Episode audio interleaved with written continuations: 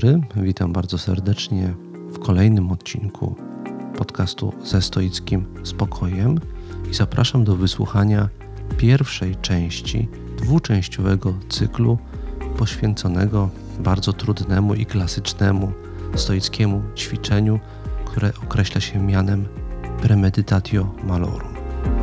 Na język polski termin ten tłumaczymy jako uprzednia medytacja nad czymś złym.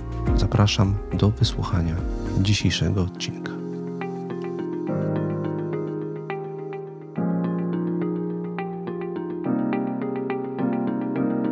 Witam jeszcze raz i przechodzę od razu do rzeczy. Plan dzisiejszego nagrania jest taki, że najpierw jest część merytoryczna, i w tej części merytorycznej skupiam się na opisie istoty ćwiczenia stoickiego nazywanego premedytatio malorum. Skupię się na tym, jak ono działa, jak powinno być skonstruowane w naszej codziennej stoickiej praktyce.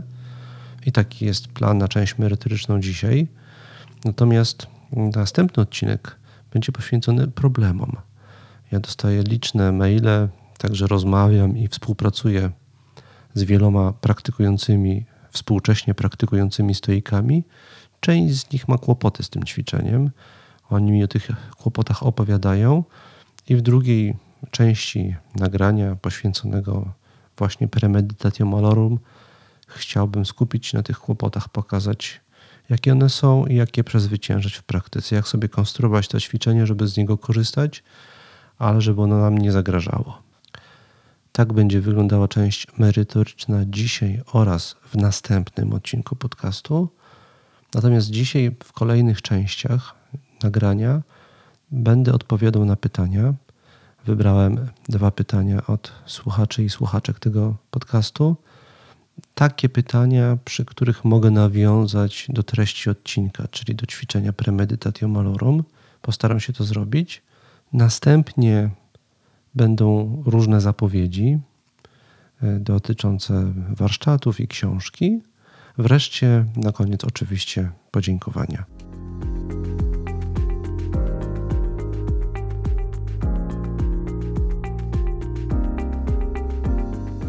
Zacznijmy od przypomnienia znaczenia nazwy.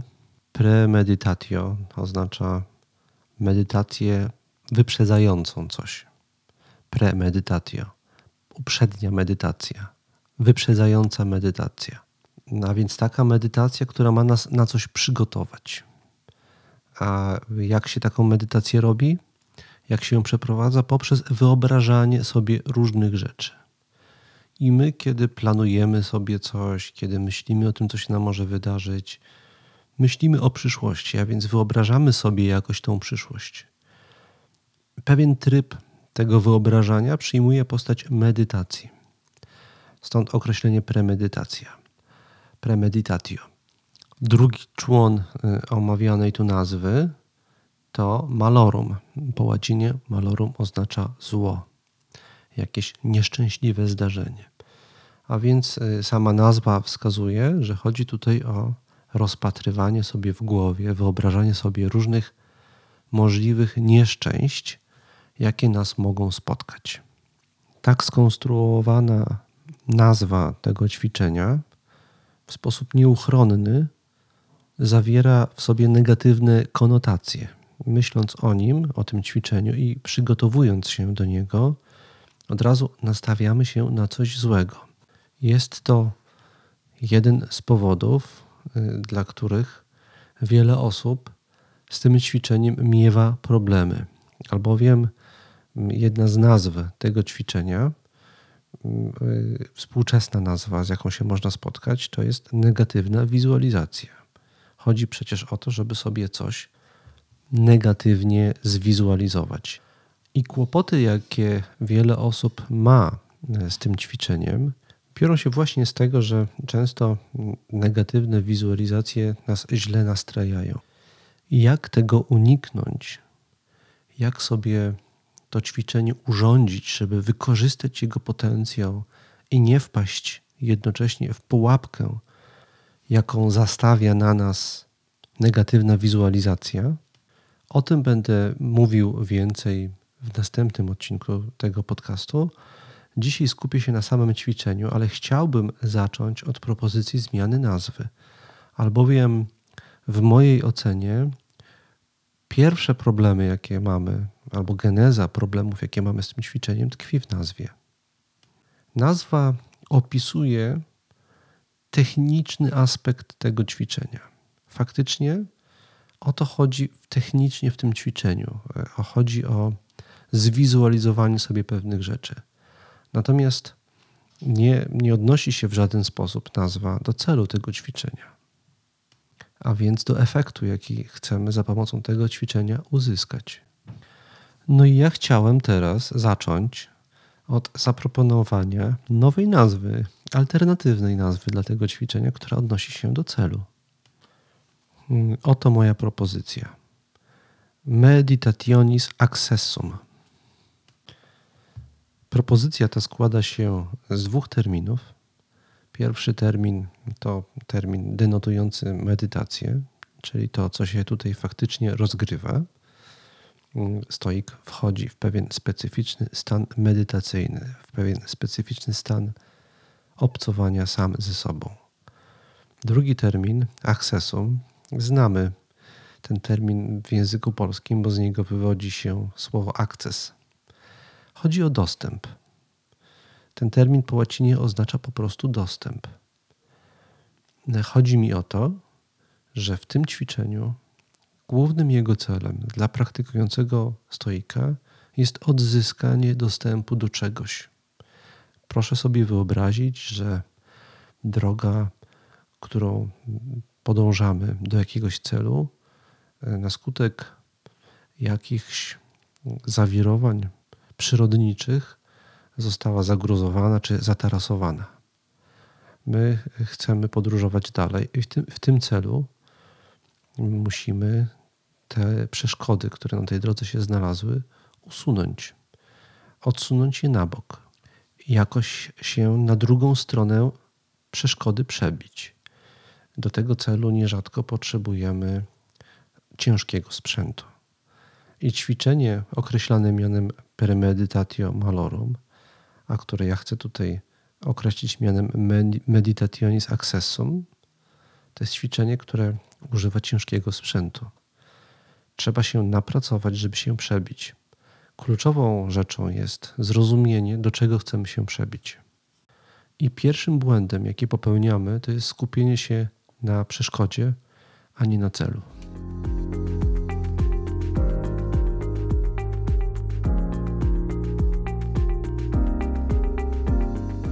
Ćwiczenie, o którym tutaj dzisiaj mówię, jest jednym z, częściej występujących ćwiczeń w tekstach antycznych stoików. Chodzi mi tutaj w szczególności o stoików rzymskich, których tekstami dysponujemy. Dlatego dalsze jego omawianie chciałbym tutaj oprzeć na jednym z takich typowych, klasycznych fragmentów, w których autor, w tym przypadku Seneca, nas, e, odbiorcę tekstu, mm, do przeprowadzenia tego ćwiczenia nawołuje.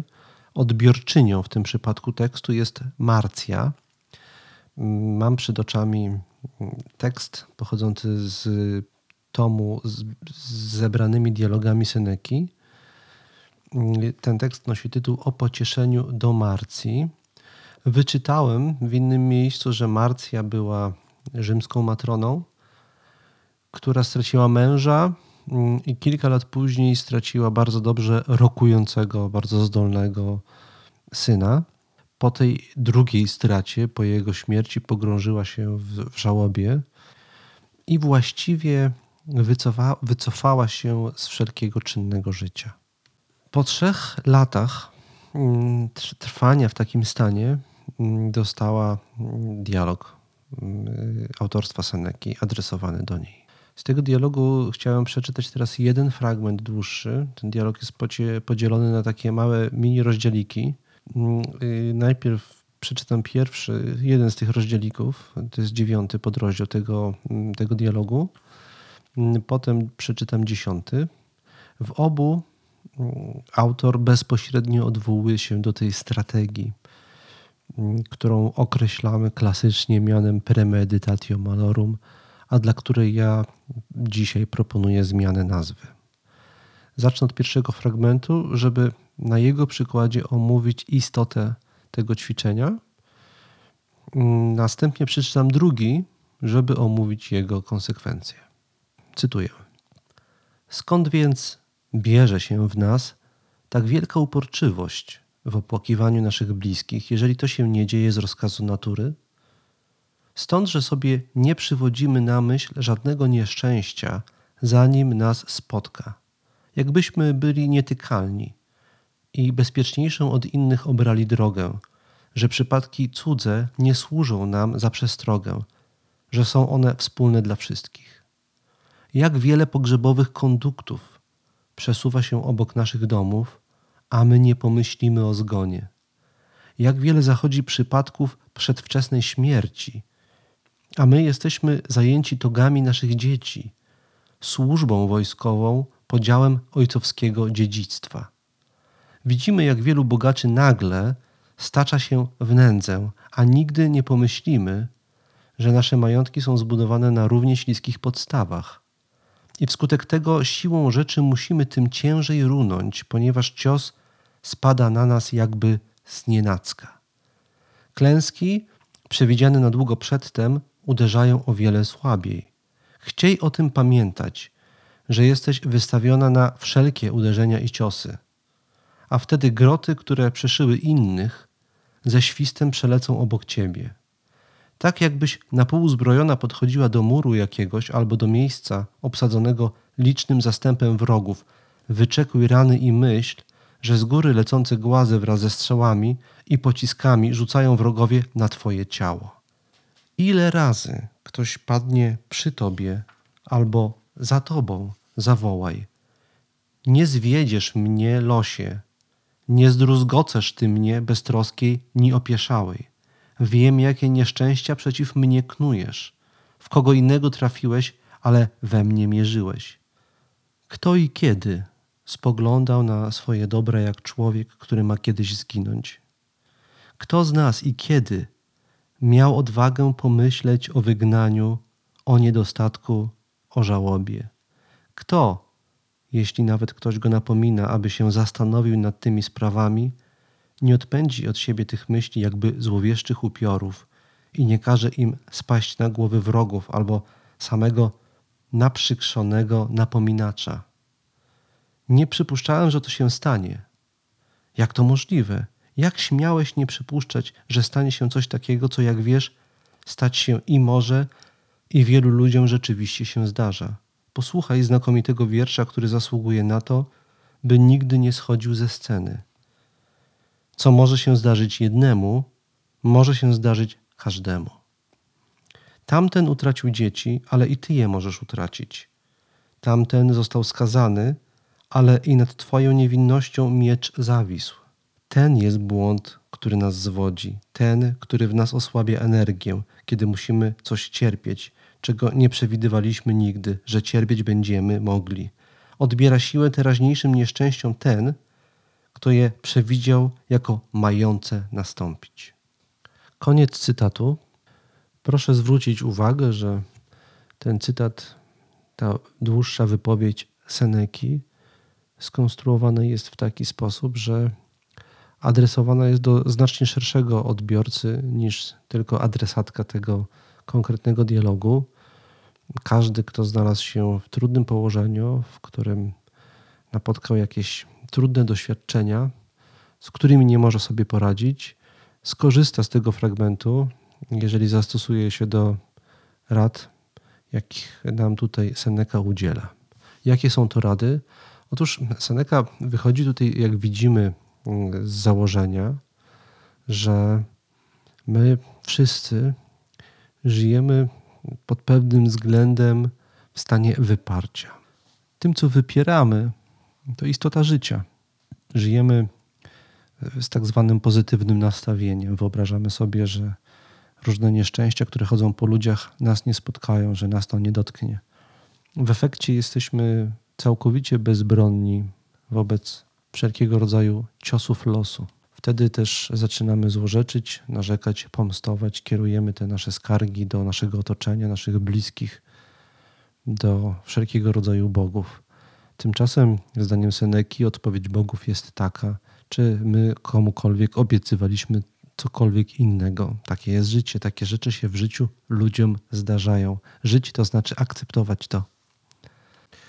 Zatem odpowiedzią Seneki na tą kondycję typowego człowieka jest wdrożenie do naszej rutyny medytacji nakazującej nam wyobrażanie sobie, bardzo szczegółowe wizualizowanie wszelkich możliwych nieszczęść, jakie nas mogą w życiu spotkać.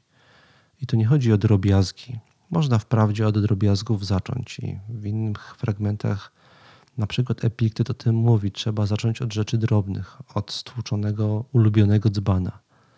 Natomiast celem tego ćwiczenia i wprawę prawdziwą ma ten, kto potrafi w trakcie tego ćwiczenia wyobrażać sobie te rzeczy, których najbardziej się obawia.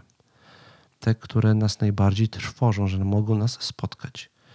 Należy sobie te rzeczy wizualizować, testować na sobie różne mroczne wizje tego, co strasznego mogłoby nas w życiu spotkać, czego byśmy najmniej chcieli.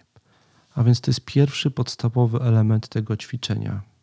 Stopniowo wdrażaj się do tego, żeby wyobrażać sobie rzeczy najbardziej straszne, najstraszniejsze rzeczy, które mogą cię w życiu spotkać. Te, których najbardziej byś nie chciała, te, których najbardziej byś nie chciał. Wizualizuj to sobie ze wszystkimi szczegółami regularnie. To jest pierwszy podstawowy element tego ćwiczenia. I to widzimy w tym fragmencie. Y, można powiedzieć wstępnie o celu też tutaj. Celem jest przygotowanie się i oswojenie z tym, co nas może spotkać, z tym cierpieniem, na które w życiu możemy się natknąć. E, zasada, jaka ten cel ustanawia, jest przez Senekę sformułowana prosto. Chodzi o to, że klęski przewidziane na długo przedtem, tak jak tutaj cytuję, uderzają o wiele słabiej. Problem, jakiego doświadczamy w życiu, to jest to, że na, na nas nieszczęścia spadają z nienacka, jak mówi, jak wyjaśnia nam Seneca. Jesteśmy na to nieprzygotowani, dlatego tak cierpimy. Jeżeli będziemy przygotowani, nie będziemy cierpieć. To jest jeden element konstrukcji celu tego ćwiczenia. Bardzo wiele osób w tym miejscu mówi, i wydaje mi się, że z perspektywy współczesnej psychologii zasadnie, że na pewnego typu nieszczęście nie sposób jest w ten sposób się przygotować.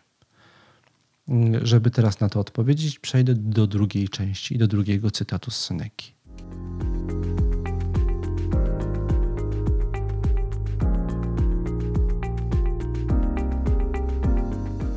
Zatem przystępuję teraz do lektury drugiego fragmentu. Przypomnę, jest to fragment dziesiąty z dialogu o pocieszeniu do Marcji. To wszystko, Marcjo, co wokół nas promienieje szczęściem z łaski i szczęśliwego przypadku, jak dzieci, zaszczytne stanowiska, majątki, obszerne sale i przedsionki wypełnione tłumem klientów, sławne imię, szlachetna lub urodziwa żona i inne dobra, zależne od niepewnego i zmiennego losu, są to cudze i wypożyczone okazałości. Żadnej z tych rzeczy nie otrzymujemy na stałe. Są to tylko nagromadzone sprzęty, którymi przyozdabia się scenę, a które mają być zwrócone ich właścicielom. Jedne z nich zostaną oddane dzisiaj, drugie jutro. Nieliczne pozostaną przy nas do końca. Nie ma powodu, byśmy mieli unosić się dumą, jak gdybyśmy byli ustanowieni panami naszego mienia. Otrzymaliśmy je na warunkach pożyczki. To użytkowanie od nas zależy.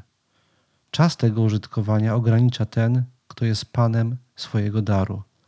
My zaś w pogotowiu musimy trzymać to wszystko, co zostało nam powierzone na nieokreślony ciąg czasu i na wezwanie zwrócić bez sprzeciwu i narzekania. Znamieniem bowiem nikczemnego dłużnika jest znieważać swego wierzyciela. Wszystkich więc naszych najbliższych zarówno tych, w stosunku do których żywimy pragnienie, by nas mocą prawa urodzin przeżyli, jak i tych, którzy sami noszą w sobie takie ze wszechmiar uzasadnione pragnienie, aby nas wyprzedzić swą śmiercią, winniśmy kochać w ten sposób, jak gdyby nie tylko co do czasu, lecz także co do długości ich życia, nie dana nam była żadna obietnica. Raz po raz należy przypominać sobie, że winniśmy kochać rzeczy jako mające odejść, więcej jako już odchodzące. Co szczęśliwy los zesłał ci w darze, posiadaj w ten sposób, jak gdyby nie miało chwilowo swojego właściciela. Z pośpiechem czerpcie rodzicielskie radości ze swych dzieci i nawzajem sami czyńcie radość swoim dzieciom. Bez zwlekania, doraźnie chłoncie wszelką pociechę. Żadnej gwarancji nie macie na noc dzisiejszą. Zbyt długie odroczenie wam daję. Żadnej gwarancji nie macie na bieżącą godzinę. Trzeba się spieszyć. Od tyłu skrada się śmierć. Już wkrótce zostanie rozproszone to towarzystwo. Już wkrótce podniesie się krzyk i stargane zostaną więzy zażyłych stosunków. Śmierć jest grabieżą wszechrzeczy. Czemuż więc nieszczęśni nie potraficie urządzić sobie życia w przelocie?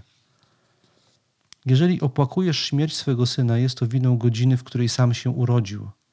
Śmierć była mu oznajmiona już w chwili, kiedy przyszedł na świat. Pod takie się prawo urodził, takie przeznaczenie zaraz od łona matki szło za nim w ślady. Wchodzimy pod panowanie losu, twarde i niewzruszone. Według tego dowolnego upodobania musimy cierpieć i to, na co zasłużyliśmy, i to, na co nie zasłużyliśmy. Ciałem naszym będzie los gwałtownie, haniebnie i okrutnie pomiatać. Jednych będzie ogniem przypalać, bądź za karę, bądź dla uzdrowienia.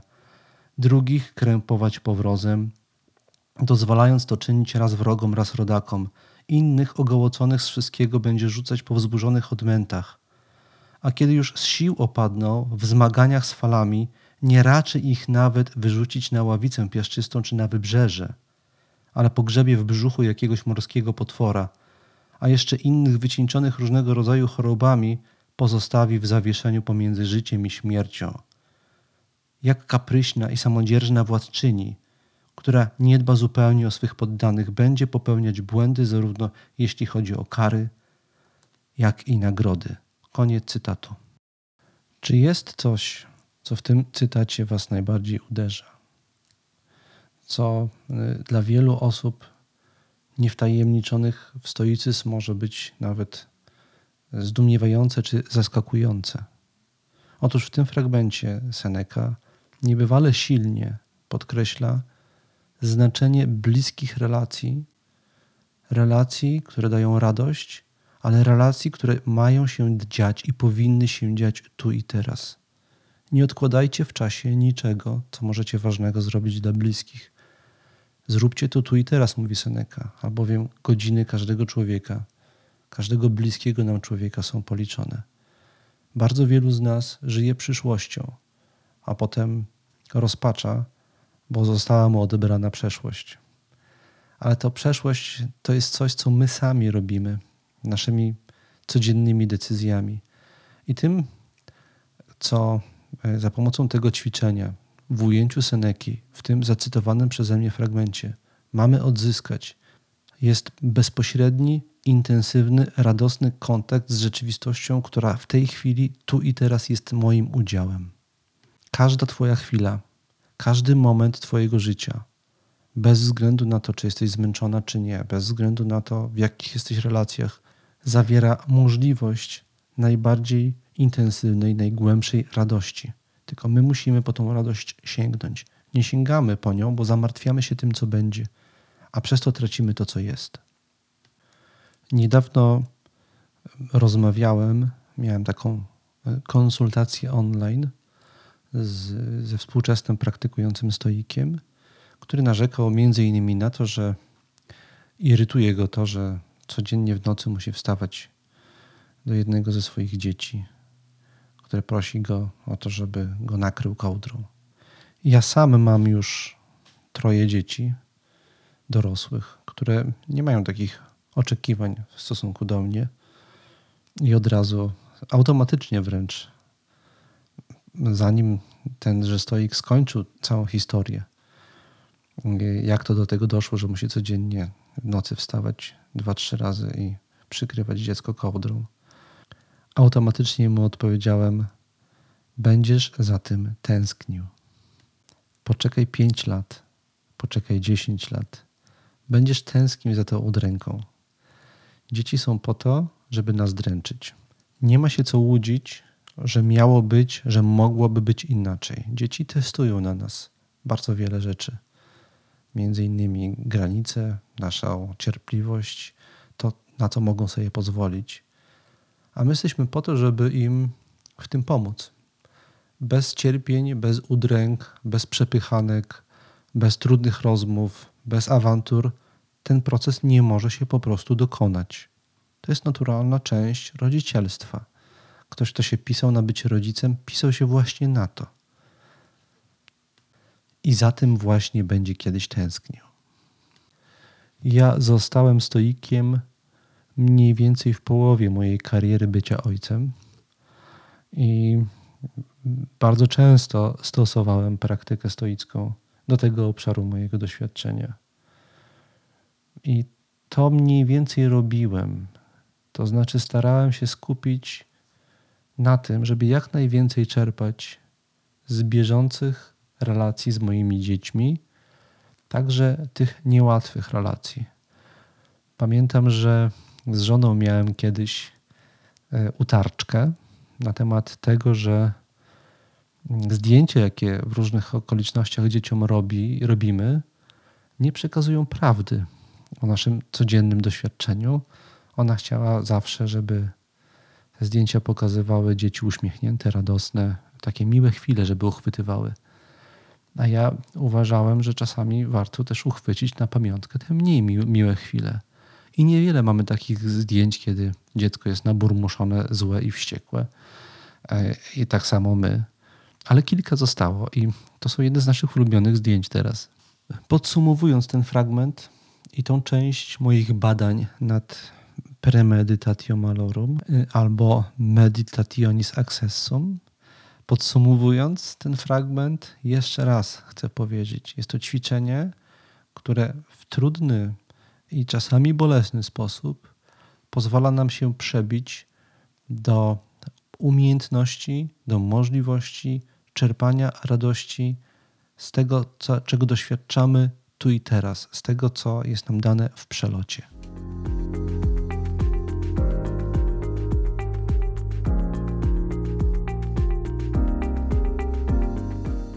Teraz przechodzę już do pytań od słuchaczy i słuchaczek. W dzisiejszym odcinku będą to słuchaczki same. Od dwóch pań chciałbym pytania przytoczyć i na nie odpowiedzieć.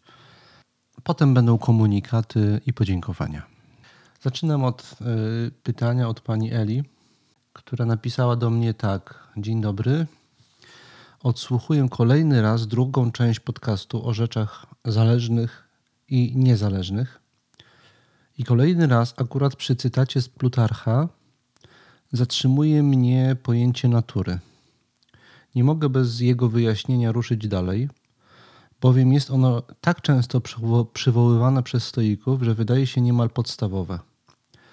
Tylko w rozmyślaniach Marka Aureliusza natykam się na różne odniesienia, przykład do natury świata, człowieka, rzeczy, własna i ogólna, dzieła natury. Mówi się o życiu zgodnym z naturą albo i o tym, że co jest zgodne z naturą nie może być złe. Zatem czym jest natura? Piotr Stankiewicz w jednym ze swoich live'ów określił ją jako zgodność z faktami, ale to najwyraźniej mi nie wystarcza, skoro wciąż zatrzymuję. Pozdrawiam. No więc mm, pani y, Elżbieto, mm, odpowiedź jest taka. Istotnie jest to jedno z najbardziej podstawowych pojęć używanych stoi, przez stoików do opisu świata i kondycji człowieka. Mm, jest to pojęcie, oni, którego oni używali w różnych znaczeniach i nie, nie zawsze wyjaśniali, o które znaczenie tutaj chodzi. E, w kontekście mm, przytaczanych przez panią tutaj nawiązań do Plutarcha, do poprzedniego odcinka tego podcastu, Chodzi przede wszystkim o naturę człowieka. Mm, I przez naturę człowieka stoicy mieli na myśli zbiór cech konstytutywnych człowieka, tych, które definiują człowieka jako człowieka. I żyć w zgodzie z naturą to żyć w zgodzie z tymi cechami, a ściśle rzecz biorąc, pielęgnować te cechy w człowieku. Można o tym pomyśleć przez analogię z, ze zbiorem cech konstytutywnych każdej dowolnej rzeczy. Na przykład kwadratu. Zbiorem cech konstytutywnych kwadratu są równe boki i kąty. Figura, która ma równe boki i kąty są, jest, jest, jest kwadratem. Można powiedzieć, że to, to jest natura kwadratu. Tak samo można powiedzieć o człowieku, że on ma pewien zbiór cech e, wyróżniających go, charakteryzujących go. Zazwyczaj wymieniają stoicy mm, po pierwsze potrzeby biologiczne, po drugie mm, mm, rozumność, a więc zabiegi wokół pielęgnowania tych rzeczy w człowieku, jego rozumności i y, podstawowych potrzeb biologicznych są zgodne z naturą. Tak y, by na to odpowiedział antyczny stoik. Problem z tym mamy taki, że nasze rozumienie natury dzisiaj, w tym natury człowieka, jest dość płynne. I to, to się stało na skutek teorii ewolucji.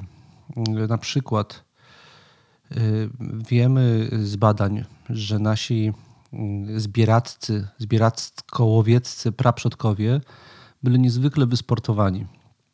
I oni prowadzili bardzo aktywny tryb życia.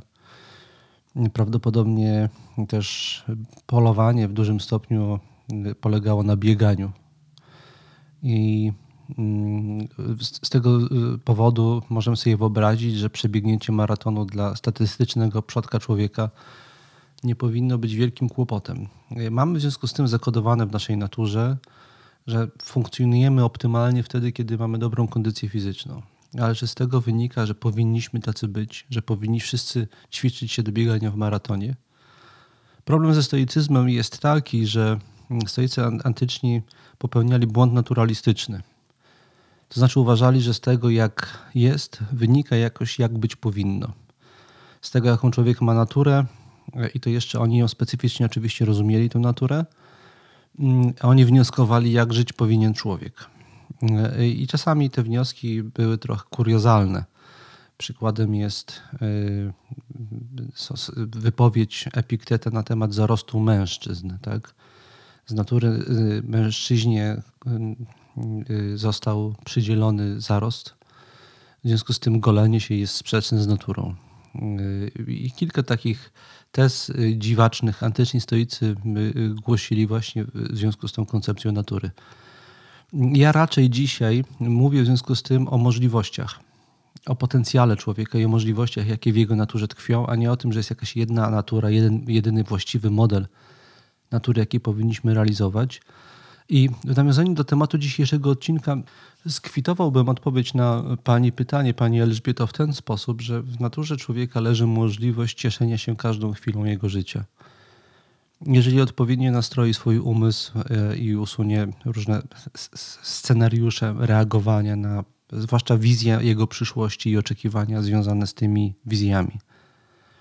I to jest potencjał, który jest w człowieku, ale to jest trochę taki potencjał jak potencjał bycia maratończykiem. Nie każdy musi być maratończykiem tylko dlatego, że człowiekowi, że w człowieku jest taki potencjał. Stoicy by powiedzieli, że musi. Mm, y, mówię metaforycznie. Mm, tak samo nie każdy musi umieć cieszyć się tu i teraz, tak jak to rekomendują stoicy, ale taka możliwość w naturze człowieka jest obecna.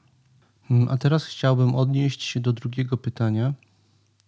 Pytanie od pani Anny, która je sformułowała w bardzo długim i miłym liście, e, gdzie opisała swoją drogę, jak to stoicyzm pomógł jej naprostować wiele rzeczy w swoim życiu i za to jest bardzo wdzięczna także za te treści, które my tutaj w naszym podcaście przekazujemy, które wspierają tego rodzaju metamorfozy.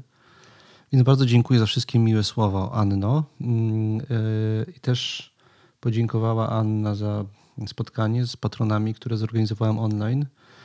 Ono było faktycznie bardzo udane e, i mm, pytania są następujące, one są trudne, dotyczące tego, co się teraz dzieje w Polsce i też trochę o tym mówiłem już w poprzednim odcinku podcastu, ale to jest kolejne pytanie o to, więc teraz też troszeczkę się szerzej do tego odnieść. Mieszkam na Podlasiu. Zacząłem cytować. Mieszkam na Podlasiu, bardzo niedaleko mnie umierają w lasach ludzie. Dopóki umierali na Morzu Śródziemnym, wydawało mi się, że to mnie nie dotyczy. Teraz dotyczy, bo dzieje się 20 kilometrów od mojego domu. O ile globalnie to rozumiem, że być może jest to schyłek chrześcijańskiej cywilizacji, bo chrześcijaństwo zatraciło swój pierwotny charakter, a stało się poglądem politycznym i instytucją, a takie zmiany zawsze niosą ze sobą ofiary, o tyle na poziomie ludzkim dziejących się obok mnie spraw jest to sytuacja, która bardzo trudną, którą bardzo trudno mi jakoś zracjonalizować. Można by temu poświęcić uwagę w którymś z podcastów. Mm, więc ja mm, po pierwsze chciałem to odnieść do tego, o czym dzisiaj mówiliśmy i zapowiedzieć, że poświęcę temu dłuższą część jakąś w jednym z kolejnych odcinków podcastu, więc zapowiadam to niniejszym. Natomiast teraz chciałem powiedzieć, że z punktu, po pierwsze, z punktu widzenia stoików, to nie ma znaczenia, czy zło się dzieje blisko, czy daleko. To jest właśnie to złudzenie, w które popadamy często, bo patrzymy tylko na to, co nas bezpośrednio otacza. Ale jeżeli gdzieś się zło dzieje jakiemuś człowiekowi, to pośrednio dotyczy nas to tak samo. E, bliskość nie ma żadnego znaczenia. E, powinniśmy umieć zredukować taki dystans w, w świadomości swojej. Kluczowe nie jest to, gdzie ono się dzieje, to zło. Kluczowe jest to, co my możemy zrobić. Bo mm, e, antyczny stoik typu Seneca, Seneki, o którym dzisiaj więcej mówiliśmy, on by powiedział, że no niestety żyjemy w świecie, w którym takie rzeczy się działy, dzieją i będą dziać. Mm, I to jest, y, nawiązując trochę jeszcze do poprzedniego pytania, pytania y, y, pani Elżbiety, my myślimy o człowieku w innych kategoriach niż o naturze. Podczas gdy dla Seneki człowiek jest pewnego rodzaju kataklizmem naturalnym, tak jak każdy inny kataklizm. Tak jak burze, burze czy trzęsienia ziemi pochłaniają ludzi. Tak samo ludzka głupota pochłania śmierć ludzi i zawsze się to działo i zawsze się będzie dziać niestety, bo ludzie y, y, mają także w naturze skłonność do tego, żeby być egoistami, żeby koncentrować się na swoim interesie, żeby nie myśleć o innych. To jakoś w człowieku zawsze też było, ta strona, to się w nim zawsze uruchamiało. I nie zmienimy tego nagle. Y, jedyne, co możemy zrobić, to to, co robimy na przykład tutaj, w tym podcaście czy wszyscy inni, którzy zakładają wszelkiego rodzaju fundacje, które szerzą świadomość, pogłębiają empatię międzyludzką, pracują nad tym codziennie, starając się dotrzeć do jak najwięcej ludzi, większej ilości ludzi, nie mm, y, na poziomie restrykcji, praw, gruźb, tylko na poziomie edukacji. I moim zdaniem jedyne, co możemy zrobić, to edukować ludzi, podnosić ich wrażliwość. I to się bardzo stopniowo dzieje. Wiele danych statystycznych pokazuje, że ludzie stają się stopniowo, bardzo powoli niestety, ale wzajemnie wobec siebie coraz bardziej empatyczni i życzliwi. I to jest efekt odbywający się cały czas edukacji. I to trzeba robić. E, tam, gdzie możemy angażować się w różne działania edukacyjne. Jeżeli możemy coś zrobić, żeby pomóc ludziom, którzy cierpią, to trzeba starać się im pomóc. Ale najwięcej chyba zrobimy wtedy, kiedy e, e, różnymi przedsięwzięciami informacyjno-edukacyjnymi dotrzemy do jak największej liczby osób, uwrażliwiając ich na dobro drugiego człowieka, na krzywdę drugiego człowieka, na konieczność pomocy i wejścia w relacje. E, więc e, odpowiadając na pytanie pani Anny wstępnie, jeżeli może pani zaangażować się w jakąś akcję pomocową, jeżeli jest taka przestrzeń w bezpośrednim obszarze i, i jest to w pani możliwościach, to trzeba to spróbować zrobić. Mm, jeżeli jest możliwość dotarcia do jak największej ilości ludzi w bezpośrednim Pani otoczeniu z informacją na temat tego, że to, co się dzieje, jest złe i że jeżeli my mamy możliwość, tak jak powiedziałem w poprzednim odcinku, politycznie także zmienić w Polsce sytuację, e, wpływając na przebieg kolejnych wyborów naszymi głosami i głosami tych ludzi, na których wpłynęliśmy, mm, argumentami, to też trzeba to próbować robić. I taka jest moja odpowiedź na to pytanie. Jednocześnie oczywiście podkreślam, że to, co się dzieje, to, czego jesteśmy świadkami, to, co się dzieje na świecie, te zmiany, których doświadczamy, no są bardzo bolesne i trudne. Ja, ja to doskonale rozumiem. I też to tak odczuwam.